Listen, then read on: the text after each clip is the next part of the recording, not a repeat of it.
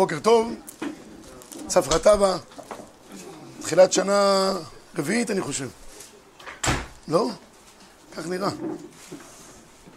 ברוך השם. כן, לא זוכרים, לא זוכרים. מי זוכר? עד 120 בעזרת השם.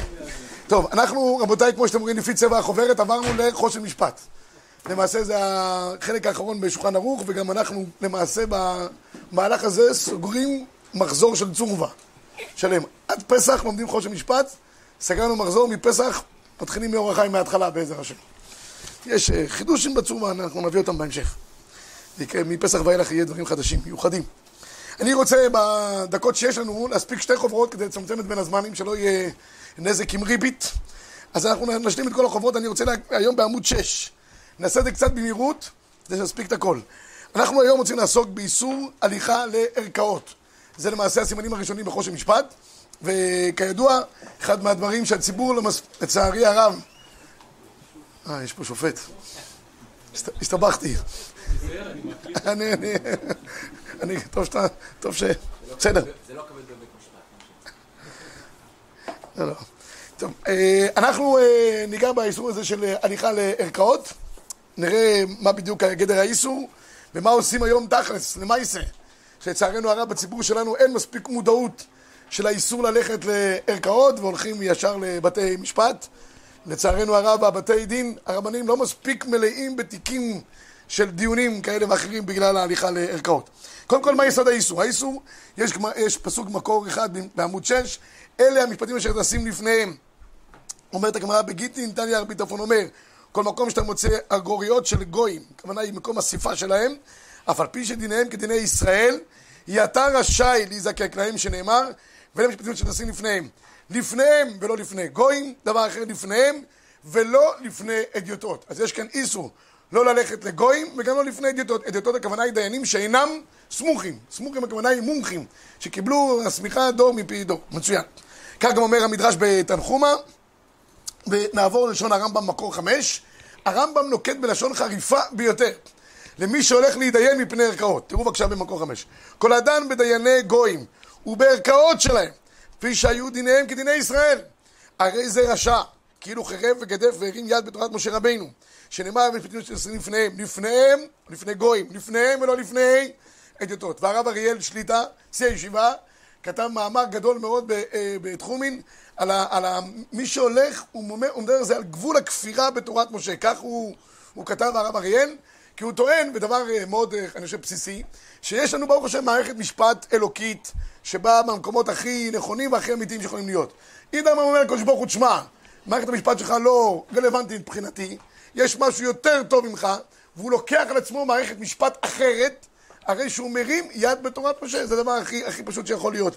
אה, השופט אלון, שניגע בו בהמשך, הוא חיבר שני כרכים גדולים שנקרא המשפט העברי. שני כרכים עבי קרס, שהוא תמיד חכם גדול. אז הוא טוען שמה ששמר על עם ישראל לאורך כל שנות הגלות, זה היה שהיה מערכת משפט. חוץ מקיום מצוות, וה... הוא אומר, קהילה שאין לה מערכת משפט משלה, לא יכולה לשמור על צביונה. כי רק מערכת משפט יוצר מצב שבו אתה כולם מזוהים סביב נקודה אחת. אז כשאנחנו הולכים למקומות, למחוזות אחרים, זאת אומרת, אנחנו נפרדים כביכול מכלל ישראל. יש לנו, אה, רואים בשדות זרים, חס ושלום. וזו הבעיה שיכולה להיות. טוב, עכשיו, אז יש פה את הדבר הזה. מה קורה אם יש שופטים שדנים על פי חוקי ישראל? יש שופטים גויים, אבל אומרים אנחנו, מערכת המשפט העברי, היא תופסת מבחינתנו. גם זה לא עובד. תראו את הרמב"ן מקור שבע, אבל לפני גויים אסורים, הם לבוא לפניו, שידון להם בדיניהם לעולם. אפילו היו דניהם כדיננו באותו עניין. עצם ההליכה לפני גויים, זה נקרא שאנחנו הולכים לפני ערכאות. אומר רש"י, ואפילו ידעת בדין אחד שהם דנים אותו כדיני ישראל, אל תביאהו בערכאות שלהם. המסגרות שלהם מבחינתנו לא רלוונטיות. שהמביא דיני ישראל לפני גויים, מחלל את השם, ומייקר שם עבודה זרה להחשיבה. כך גם פסק המחבר במקור תשע, אסור לדון, לדון בפני דייני גויים ובערכאות שלהם. אפילו בדין שדנים בדיני ישראל, ואפילו התרצו שני בעלי דין ידון לפניהם, גם אסור. וכל הבא ידון לפניהם הרי זה רשע, כאילו חרב וגדף, עניין בתרת משה רבנו, עליו השלום נקודה. יפה, מה קורה אם יש יהודים ששופטים על פי חוקי הגויים? הדבר הזה כמובן גם בלתי אפשרי, כן? עכשיו פורסם באחד המקומות על, על, על פסק דין של בית דין רבני. ואתה קורא, אם כי יצא לי לקרוא אותו, שאתה קורא, אתה רואה שבעצם, בענייני ממון, אתה רואה שבעצם דנו שם על פי, על פי החוק האזרחי. אתה לא מכיר, לא מכיר את הפסק הזה, לא מכיר מה העניין, אבל אני אגע רק דבר אחד. אני בסוף השיעור אני אגע כמה דקות בבתי הדין הרבניים שקיימים היום בארץ, איך העסק מתנהל. יכול להיות שיש דברים שבהם התורה לא נגעה מבחינה משפטית, כגון דיני תחבורה למיניהם מסוגיהם. אתה חונה, עברת באדום, לא מצאנו בבקמה, אה, כן, שיש אה, זה, או שעקפת בקו לבן. שם דיני המדינה הם התופסים, כי זה מוסכמה חברתית. יש חלק מהדין הפלילי, שגם זה לא נגעה התורה, זה, יכול להיות שהם בזה. יש דברים שהם נוגעים לדין אדם מלכות הדינה. בדיני עבודה פעמים שהתורה לא קבעה וההפך, הגמרא כבר אומרת מסכת במציאה, הכל כמנהג המדינה. לא יודע מה היה הדיון, אבל יש דברים שישנם, אבל מה שאמרת דבר אחד חשוב, מי שדן בדבר הזה זה היה בית דין רבני. הם יכולים לקחת, אבל לא הפוך. לא יכול להיות שאני אלך לערכאות זה, זה ששאלתי. זה, זה בדיוק מה שאני עונה, זה, זה לא יותר הפוך. לא יכול להיות מצב שבו אני אגיד, אני אלך לערכאות, אבל תשמע, הם דנים לפי המשפט העברי, תשמע, הם, הם אנשים טובים. יש שם שופטים דתיים, תלמידי חכמים, הם יודעים את המשפט והם משלמים אותו. שכוח, תודה רבה, אמר סטייבס. על... כן. עכשיו, אה, מה קורה במקרה ו... דרך אגב, דרך אגב, כשקמה המדינה, אז השר, הרב, השר הרב מימון, שחיבר את שרי המאה, הוא היה שר הדתות, הוא חתום על מגילת העצמאות, הוא בא לבן גוריון ואמר לו, תשמע, אולי נקים פה מערכת משפט, הרב הרצוג, זכר צדיק לברכה, הרב הראשי לישראל, גם רצה להקים סנהדרין וכולי. אומר לו בן גוריון, איפה תמצא אנשים יראי אלוקים, שונאי בצע? אה. אומר לו, תשלם להם, הם יהיו גם שונאי בצע, אין בעיה, הוא אומר לו. הכל יעבוד. בקיצור, מה קורה במקרה ההפוך, ששופטים יהודים, גם זה לא עובד, רבי ישראל. עכשיו אני רוצה להגיד פה משפט מאוד חשוב.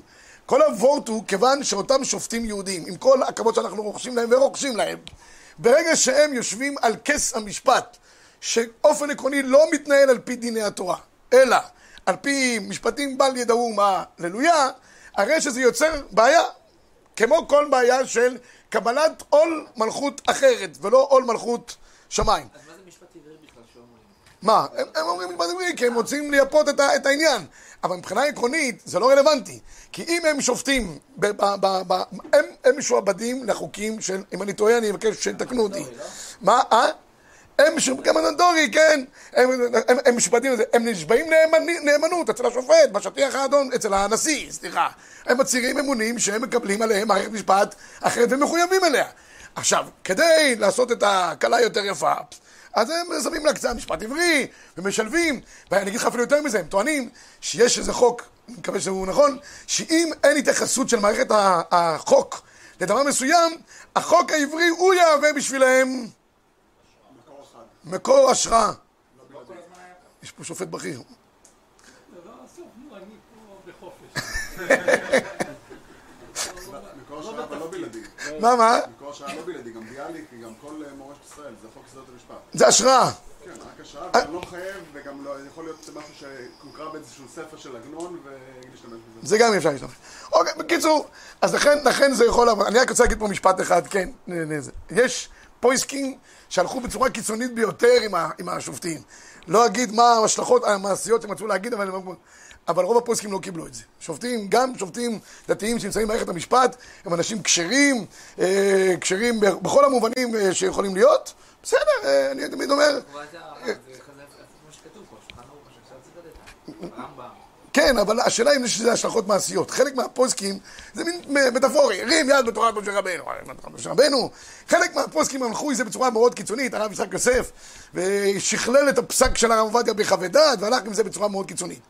אבל הרבה אמרו, תשמע, לא, זה בסופ- בסופו של דבר פרנוסה, זה גם, זה גם משהו.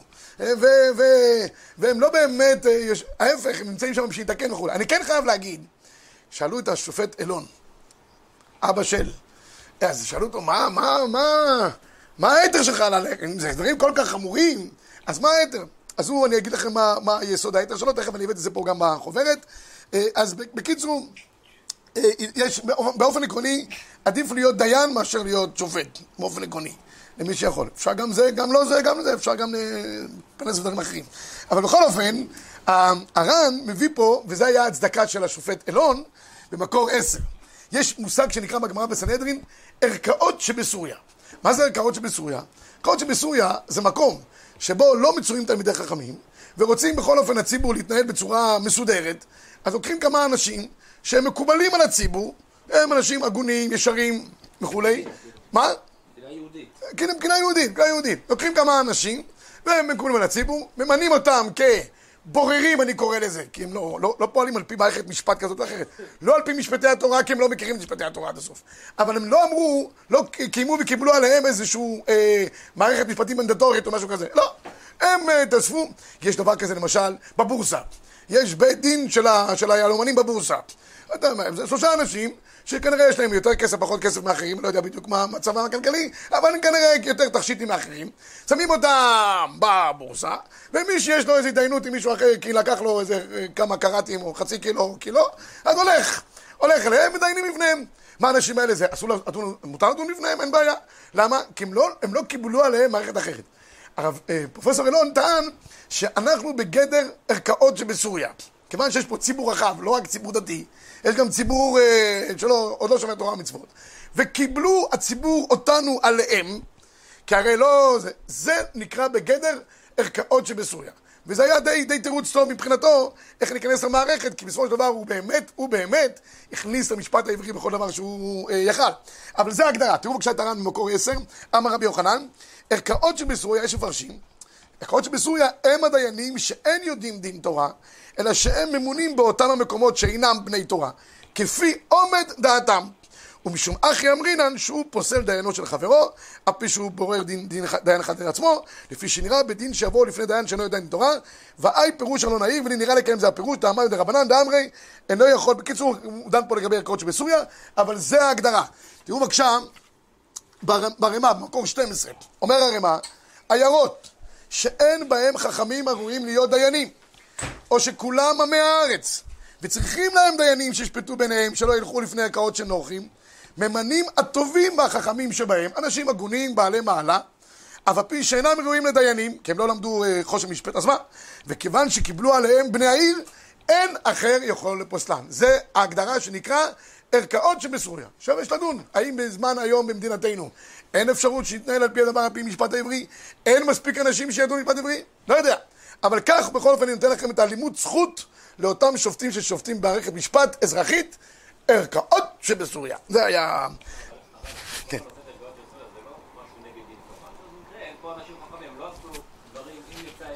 את ההערה שלך מאיר החזון איש, כיוונת לדעת החזון איש, מקור 14, אומר החזון איש, ואף על גב דליקה ביניהם דיין של ידין על פי משפט התורה, מוכרחים להימנות בעל שכל, לפי מוסרי האדם, יש דברים כאלה קונבנציונליים, אוניברסליים, מוסרי אינם רשאים לקבל עליהם חוקי עמים או לחוקק חוקים אחרים.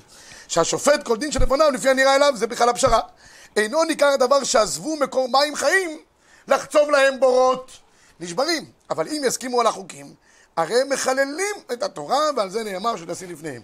אז יש כאן שני גישות, גישת החזון איש, יש מי שרצה להגיד, שמע, זה הכל טוב יפה, במקום שכל העם כולו רוצה דיני תורה, אבל בצערנו הרב אנחנו עוד לא במקום הזה, אני אומר עוד לא שם, אפילו הציבור שלנו עוד לא כולו מוכן לראות בבתי הדין הרבניים אה, מערכת משפט קונבנציונלית שאפשר לגשת ולדון לפניה.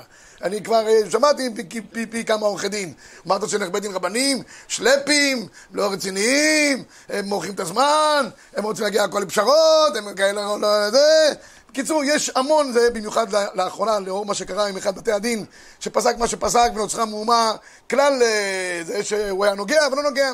לצערנו הרב לא מתייחסים זה לא מספיק. היה בית דין אה. זה לא היה בית דין נכון, אבל זה, זה דיינים שישבו ב, בהרכב כזה או אחר, והם דנים, אותם דיינים דנים בדיני אה, ממונות, בדברים אחרים, אנשים באים אליהם. זה בית דין, בית הוראה לכל דבר ועניין. אז כיוון שיצא לצערנו הרב שם לא טוב לבתי הדין הרבניים, אז אנשים גם רואים לגיטימציה ללכת לבתי משפט באופן כזה או אחר. לא, כוח אין בעיה, כוח אין בעיה. תכף אני אסביר את העניין של כוח. אין בעיה עם העניין של הכוח בכלל.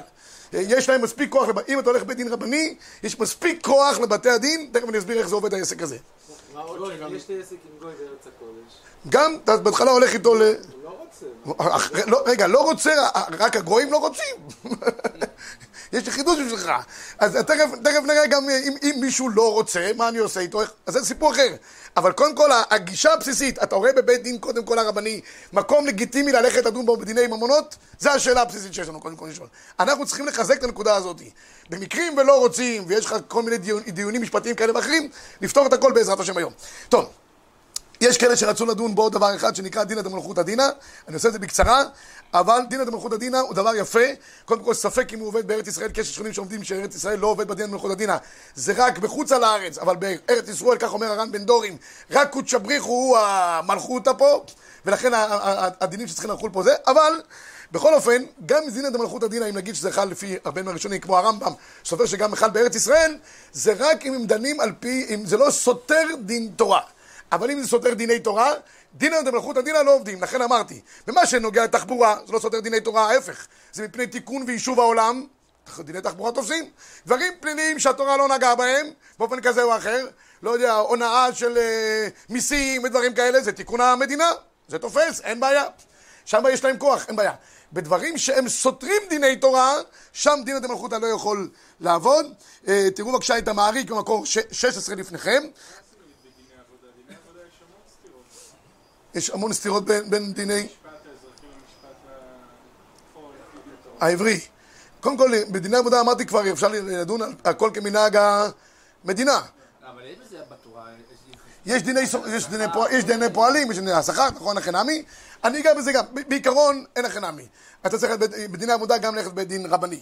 במידה ובלתי אפשרי ללכת, כי אנשים, מדובר פה בדרך כלל חברות, ועדי עובדים, כל מיני כוחות הסתדרות, כוחות על-אנושיים.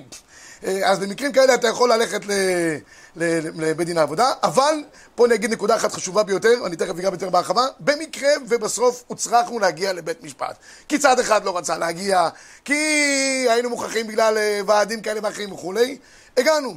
יש לבדוק היטב, האם מה שקיבלת בבית משפט עומד על פי דין תורה, או שלקחת יותר ממה שראוי לך לקחת. במידה ולקחת מה שראוי לך לקחת, כגון, בית משפט באופן בסיסי מחייב באופן אוטומטי ריבית על פיגורים כאלה ואחרים. אגב, היה עכשיו אה, בתי הדין הרבניים התעסקו עם זה גם, כי חייבו אותם לתת על הוצאות של נגיד משפחה, מזונות, הילדים וכולי, אופן אוטומטי, אדם, אדם לא שילם, יש ריבית פיגורים. ריבית פיגורים זה ריבית מדאורייתא. אז ברגע שאתה לוקח משהו שלא ראוי לך על פי דין, אתה חייב להשיב אותו חזרה לבעליו. קיבלת מה שמגיע לך, שכוייך. יותר, אז יש לך כבר איסור ביד. זה גזל לכל דבר ועניין, וחייבים להשיב אותו חזרה לבעליו. אז צריך לבדוק את הנקודה הזאת. גם במס הכנסה, וכאלה ש- שמשלמים ריבית של יותר ריבוי, אם כן. מה? זה ריבית, שילמו לה, ביטוח לאומי, מחזירים עליו. מס הכנסה פעם שילמו לך אה, משהו? ברור, אחת- זה אחת מההשקעות אה, כן? טוב, תגידו לנו איך משקיעים. ילמדנו רבנו. בקיצור, בכל אופן... מה, מה? קודם כל צריך לשלם. אז, אה, אז אה, אני לא- אני לא יודע, לא יודע, ב- במצב כזה שאתה מקבל גם שאלה, הם לא- הם לא יקבלו חזרה את הריבית שלך.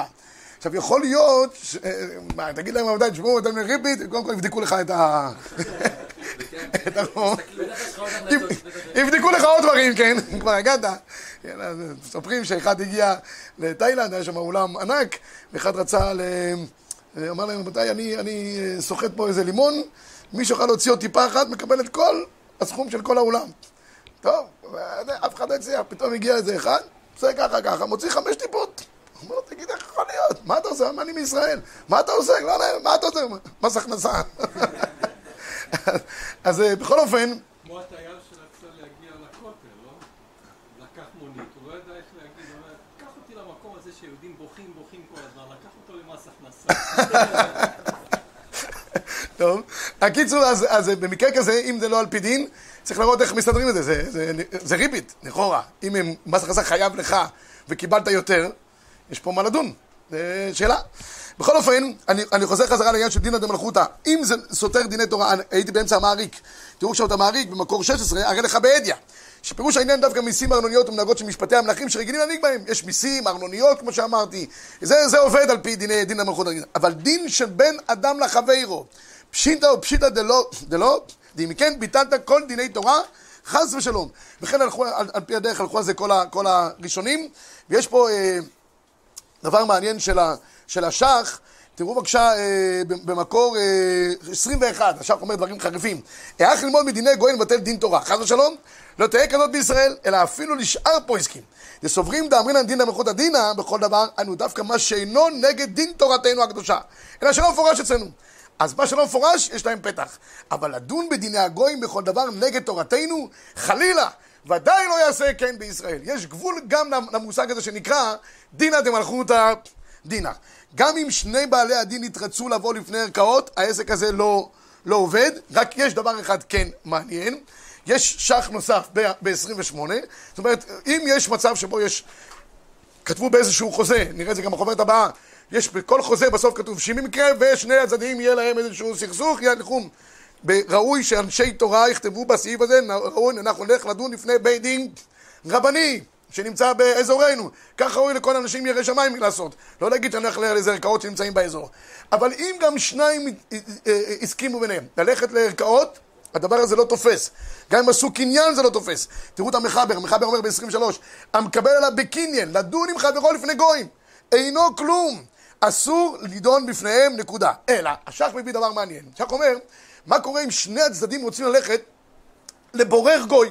בורר גוי, יש איזה גוי מומחה לגישור. היום כל אחד היום, כל שופט שהוא גומר להיות שופט, עובר להיות מגשר, בורר. ואז באמת מתחיל לעשות את הכסף שלו, מה שהוא לא עשה כל החיים שלו. אז, אז, אז, אז, אז, אז, אז מה, מה קורה במקרה כזה? האם, האם הוא יכול ללכת לפני גוי? אומר השח כן. אם זה גוי שהוא בא עכשיו בצורה, לא בא להגיד להם, תשמעו, אני הולך לפי מערכת משפט כזאת, הוא פשוט בוי, בוירר. אין בעיה. אומר השח, ואם באנו לומר דלא פליג נראה לומר, דווקא אתה מדמה ירד לידי שקנו מידו סתם נדון מדיני גויים, אז אוהבינו פלילים. זקים מחותיהם ודתם, אתה הולך למערכת שלהם, זה אסור. מה שאין כן בארדה המורדכי, שקנו על גוי אחד בפירוש, הרי שגוי זה נאמן ביניהם. לא משום שמחזיקים משפטי הגויים בדתם. לא, סתם, זה לא מערכות. סתם אדם בורר. רק שזה הגוי נאמן בעיניהם וסמכו עליו. מאנה כמו קיבלו קרוב ופסול, וחילוק זה נכון מאוד. זה מושג בגמרא בסנהדרין, אם קיבלו עליהם אבא, נאמן עליי אבא, נאמן עליי אה, רועה בקר, שלושה רועי בקר, גם, גם עובד. אם זה בא בצורה אובייקטיבית, לא בצורה ספציפית לאיזושהי מערכת משפט, אין שום בעיה. הנתיבות חולק על השח אפילו ואומר, וכן ירד אפילו בפני גוי מיוחד, אסור לדון. אפילו ברצון שניהם, דאבה כמייקר שם מילים. אבל נראה לי שהנתיבות מדבר על גוי מיוחד. אבל אם זה גוי שזה פרנסתו שהוא מגשר או בורר, לעניות דעתי לא צריכה להיות עם זה שום... שום בעיה. גם ביהודי. עוד יותר אין בעיה. אם זה לא נעשה לפי מערכת משפט מחייבת, אלא נעשה על פי שיקול דעתו, שום בעיה.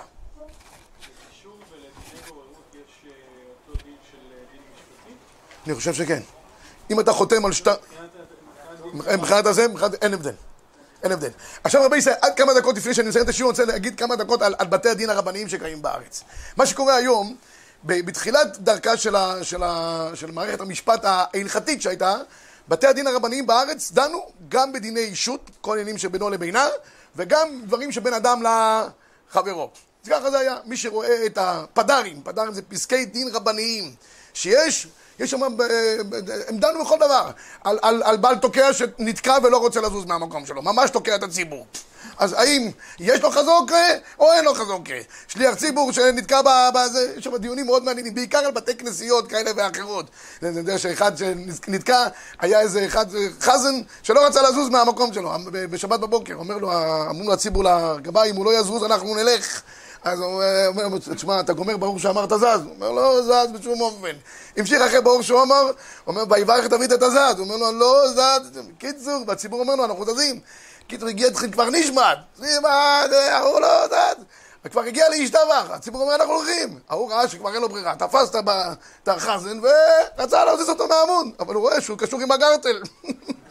הוא אומר לו, מה זה? הוא אומר, אתה חושב שפעם ראשונה רוצים להזיז אותי מפה? בקיצור, יש שם כל מיני, על כל מיני חזוקס, על רבנים, שהאב, שהבן רוצה להמשיך את אביו. מאוד מעניין, דברים ממש נפלאים יותר. אלא מה, הגיע אחד מהשופטים היותר ידועים ל... כן? ל- כ- קעקוע כל מערכת, כל דבר שבקדושה, והוא החליט שבתי הדין הרבניים לא רשאים לדון בדיני ממונות, הם דנים אך ורק בדברים שבינו לבינה, והממונות המסתעפים מהם. אם יש הסכמי ממון ביניהם, או זה כן. אבל מעבר לכך, אז למעשה היום בתי הדין הרבניים הרשמיים, אני מדבר רשמיים הכוונה היא שהם ממונים על ידי מדינה, עם הרבנים שהולכים אפרק והמבורג וככה, הם, הם לא יכולים לדון בשום דבר שנוגע לדיני ממונות. אז מה יצא? יצא שקמה מערכת בתי דין רבניים תחליפית לבתי הדין האלה, שהיום די, די פורחת אני חייב להגיד. ארץ חמדה הקימו מערכת כזאת, יש גזית, יש משפטי ארץ בעופרה, הרב, הרב, הרב הרוסי מקהתונו, מהליכות עולם, הקימו בתי דין הרבניים, ומה, מה, איך העסק הזה עובד? העסק הזה עובד בצורה מאוד פשוטה. שני צדדים שבאים, הם, הם אה, קודם כל חותמים על שטר בוררות. שטר הבוררות הוא קביל על פי חוק. זה בחוקי הבוררות. שני הצדדים חותמים, אנחנו, פה, ב, ב, ב, פה בישיבה יש בית דין רבני גם, בנשיאות מורנו הרב אריאל. ברוך השם, היו פה הרבה דיונים, דיונים אה, ממוניים, ואני יכול להגיד לכם כמה דברים על בית הדין שאני מכיר פה, ב, בישיבה, כי אני קצת שותף למהלך הזה פה. הבית דין הזה, קודם כל אנחנו מתחייבים שתוך חודש יהיה הכרעה, לא מורחים. כי חלק מהטענות בבתי הדין הרבניים שהם מושכים, הם מורחים, מי שמושך זה בתי המשפט, שם אתה מתחיל משפט, אתה לא יודע איפה אתה גומר, עם השופט הזה או עם הנכד שלו בסופו של דבר. אה, יש כאלה, שלא רוצ... שגם לא רוצים לגמור, יש כאלה שגם לא רוצים לגמור. פעם אחת איזה אבא אחד הלך, אה, השאיר לבן שלו את המשרד של. של העורכי דין, אז אה. תיק שהוא כבר מושך אותו 20 שנה, וזה, חוזר אחרי חודש, האבא אומר לו, אבא, אתה לא יודע, סגרתי את התיק, אומר, אתה נורמלי, ממה נתפרנס עכשיו, ריבון העולמים? 20 שנה אנחנו כבר נהנים מזה. בקיצור, אז אנ- אנחנו לא מורחים, אנחנו תוך חודש מתחייבים להביא הכרעה. אנחנו, אה, אה, יש, יש, אה, גם, גם מבחינת התשלום, בתי משפט, התשלום שלהם שם אז יש אגרה, וגם נדמה לי אחוזים מתוך התביעה באופן כזה או אחר. מה? יש פה עורך דין, מה? מהתביעה. אז אצלנו, אצלנו הדבר הזה לא, לא, לא עובד בצורה הזאת. יש אגרה לישיבה שהולך, לא לכיס של אף אחד, בצורה מסודרת. שומעים את הדברים וגם משתדלים להגיע בסופו של דבר, אני יכול להגיע. עכשיו, יש גם טענה לפעמים, אומרים, בתי הדין הרבניים רוצים להגיע לפשרה. כל פשרה, אני אומר, שטיבל כזה, לא, לא, לא, תמחול, מה, זו עילה מה זה, ממונות, וזה, מה, אתה לא יכול למחול, מה, אתה, זה, חיי שוד, אתה מתעסק עם חיי עולם, זה, נותנים קצת מוסר וסוגרים את העניין. זה, זה, זה, זה, זה לא נכון. אני אגיד, זה לא נכון. אנחנו, מה, מה? לא, לא, זה לא, לא, לא, לא, אנחנו לא עובדים בצורה הזאת. לי אבא יהודה איש עסקים שאמר לי, אני לא הולך יותר בדרך תורה, בגלל שהפסדתי הרבה כסף. בדיוק על הדברים האלה. תמחל לו, תעשה לו. לא, אז אני, אז אני, אני, על זה אני חייב להגיד פה, לצאת חוצץ נגד הדבר הזה. בבית הדין הרמי שלנו אין דבר כזה, תמחל לו, בוא נסגור את זה, ואנחנו... יש, יש עניין להציע פשרה, על פי דין. בסדר, הגמרא- הגמרא אומרת במפורש, הגמרא אומרת שאנחנו רוצים, אבל... אבל... אבל, אבל אני רוצה להגיד, גם בבתי דין אזרחיים הם הרבה פעמים... בשוויץ החוק הוא שאתה לפני שאתה מגיש תביעה אזרחית, אתה קודם כל חייב ללכת למגשר. אם הלכת ולא לא הצלחת, אתה מגיע חזרה ל- לבית משפט. אבל אני רוצה להגיד בנקודה הזאת גם, גם כשעושים פשרה, זה בא מתוך דין תורה, זה לא, תשמע, אמרת, אתה חייב לו 100, אמר 50, יאללה, אז גרו על 25, נגמור את העניין. זה לא נכון. מבררים את הדין עד הסוף, שומעים את התביעות עד הסוף. אני אומר לכם מה שבדידי אבא עובדא, מבשרי חזה אלוקה. הדברים נעשים בצורה הכי רצינית שיכולה להיות, ובצורה הכי עניינית, ובודקים את הכל גם על פי דין תורה. זאת אומרת, אין מצב שפה למשל יושבים שלושה דיינים בבית הדין, שכל אחד מהם לא יכתוב פסק דין. פסק דין מסודר, לא איזה פיתקה של אה, טלפון, תגמר, תשלם לו 50 שקל נגמר העניין, אין דבר כזה. אם הגעת לאיזושהי מסקנה הלכתית, תכתוב למה, תנ, תנמק אותה, עם הרי מקומות. היה פה דיין שכתב לי שתי דפים, אמר לי, נראה לי ככה וכמה, זה, תיקח, תעשה עם זה קבלת שבת. זה, אני רוצה, אני רוצה פסק, מסודר, למה הגעת להכרעה הזאת? וכמובן, בסופו של דבר פוסקים על פי רוב. אני יכול להגיד באופן אישי, בדיונים שהיו פה והיו פה לא מעט, בסופו של דבר, כיוון שהדברים נעשו בצורה כל כך רצינית ועניינית, כולם יצאו בסופו של דבר שמחים, הגם שצד אחד היה, היה, היה אה, חייב, אבל בכל אופן, מה? איך עוקפים את זה? עכשיו אה, לגבי העקיפה, זו שאלה מצוינת. תראו, סוף החוברת פה הבאתי שיש מושג שנקרא הוצאה לפועל. על פי דין אפשר ללכת להוצאה לפועל. הוצאה לפועל זה מכשיר, תופס גם על פי ההלכה. תראו בבקשה את מה שכותב השבט הלוי ב- ב- ב- בעמוד אה, 26, מקור 27. במידה ומגיע לך משהו על פי דין, אני עוד פעם חוזר, על פי דין, בין אם מגיע לך, אם הוצאת את זה על ידי משפט, משפט אה, זה, בין אם... אה, אז יש אפשרות ללכת עם מה שמגיע לך להוצאה לפועל. תראו בבקשה את השבט הלוי, בנידון השאלה, אם מותר לפנות להוצאה לפועל בעניין צ'ק, שנתבע אינו רוצה לשלם, או אני חושב שגם תביעה כזאת אחרת, ייראה דין אינו רוצה לשלם, והחוב ברור, זו הנקודה המרכזית. החוב ברור. אין ברירה למצות את הדין כהלכה, מותר להתיר לו לפנות להוצאה לפועל. בתנאי שלא יסתר את הוצאה לפועל דין המבואר בחושן משפט, דהיינו פרטי דינים של סידור בעל חוב, כשהגיע הזמן לפירעון וכולי, יש כללים מתי אתה יכול ללכת לתבוע. אבל אם כל כללי ההלכה עובדים שמגיע לך, והגיע הזמן הפירעון, אתה יכול ללכת להוצאה לפועל על פי דין. עכשיו, עכשיו לגבי, זה שלנו, כיוון ששני הצדדים חתמו על כתב בוררות, אנחנו גם עושים קניין על שטר הבוררות, שטר הבוררות קביל בבית משפט, זה חוק הבוררות. עכשיו, כדי, נכון כדי להגיע להוצאה לפועל, כן, בממונות, בדיני ממונות, בדיני ממונות, שטר הבוררות קביל גם בבית משפט. אם אתה רוצה ללכת להוצאה לפועל, אתה צריך לאשרר את זה בבית משפט, את מה שנעשה. בדרך כלל בתי המשפט מאשרים את זה בלי בעיות. עוד לא מצינו שופט שסתר, אלא אם כן היה פה משהו הזוי, סתר את מה שבית דין הרבני פסק, וכיוון שזה נעשה כמעט באופן אוטומטי, עם, השטר, עם פסק הדין שלנו, על פי שטר הבוררות שאתה חתמת, אתה יכול ללכת להוצאה לפועל, לא צריך יותר מזה שום דבר, ותקבל את כספך באיזשהו שלב בחיים. זה, זה, זה, זה העניין, זה העניין, אה, זה. עכשיו אני חייב להגיד עוד, עוד נקודה אחת אחרונה, כי שאלו פה, שאלו פה את הנקודה הזאת. אז זה, אני חושב שכן צריך אנחנו כאנשים יראי שמיים, לפנות לבתי הדין הרבניים, לחזק אותם, זה מחזק את כל תהליך הגאולה. אנחנו כל יום השם שופטינו כבראשונה, ראשונה, וצריך מתחילה, שמו נגון מהנחה. בסופו של דבר אנחנו, אנחנו אה, נותנים כוח לאויבינו פלילים. עכשיו, אני חייב להגיד עוד נקודה אחת. במידה ויש מצב שבו צד אחד לא רוצה להגיע, וזה יכול לקרות, אתה לא רוצה בית דין רבני. אני אומר, אפילו לצערנו בין אנשים דתיים, כמו שמשמיצים אותם באופן כזה או אחר. במצב כזה אפשר ללכת לבית דין אזרחי, אבל כאן יש שני תפיסות בהלכה. הבאתי את זה גם בחוברת פה, בחוברת השנייה, ואעשה את זה בקצרה. זה נקרא סרבן. סרבן שלא רוצה להגיע. הפלטאי גאון חידש שיש מצב שבו בית דין מאשר לך ללכת למערכת המשפט. עכשיו תשאלו אותי, מה זאת אומרת, אם אסור ללכת אליהם, כמו שאמרנו בתחילת השיעור, אסור ללכת, איך פתאום יש הכשר ללכת לדבר הזה? במידה ובית הדין מאשר לך כביכול, הם נהיים יד האריכתא של הבית דין. לא הלכת אליהם וקראתם, אני, אני מכיר בבית דין. בית דין יש להם כל מיני טקטיקות בסופו של דבר איך להגיע למצב שבו אדם יקבל את ממונו שמגיע אליו. ולכן הדבר הזה מותר. לכן, באופן עקרוני, במקרה ו...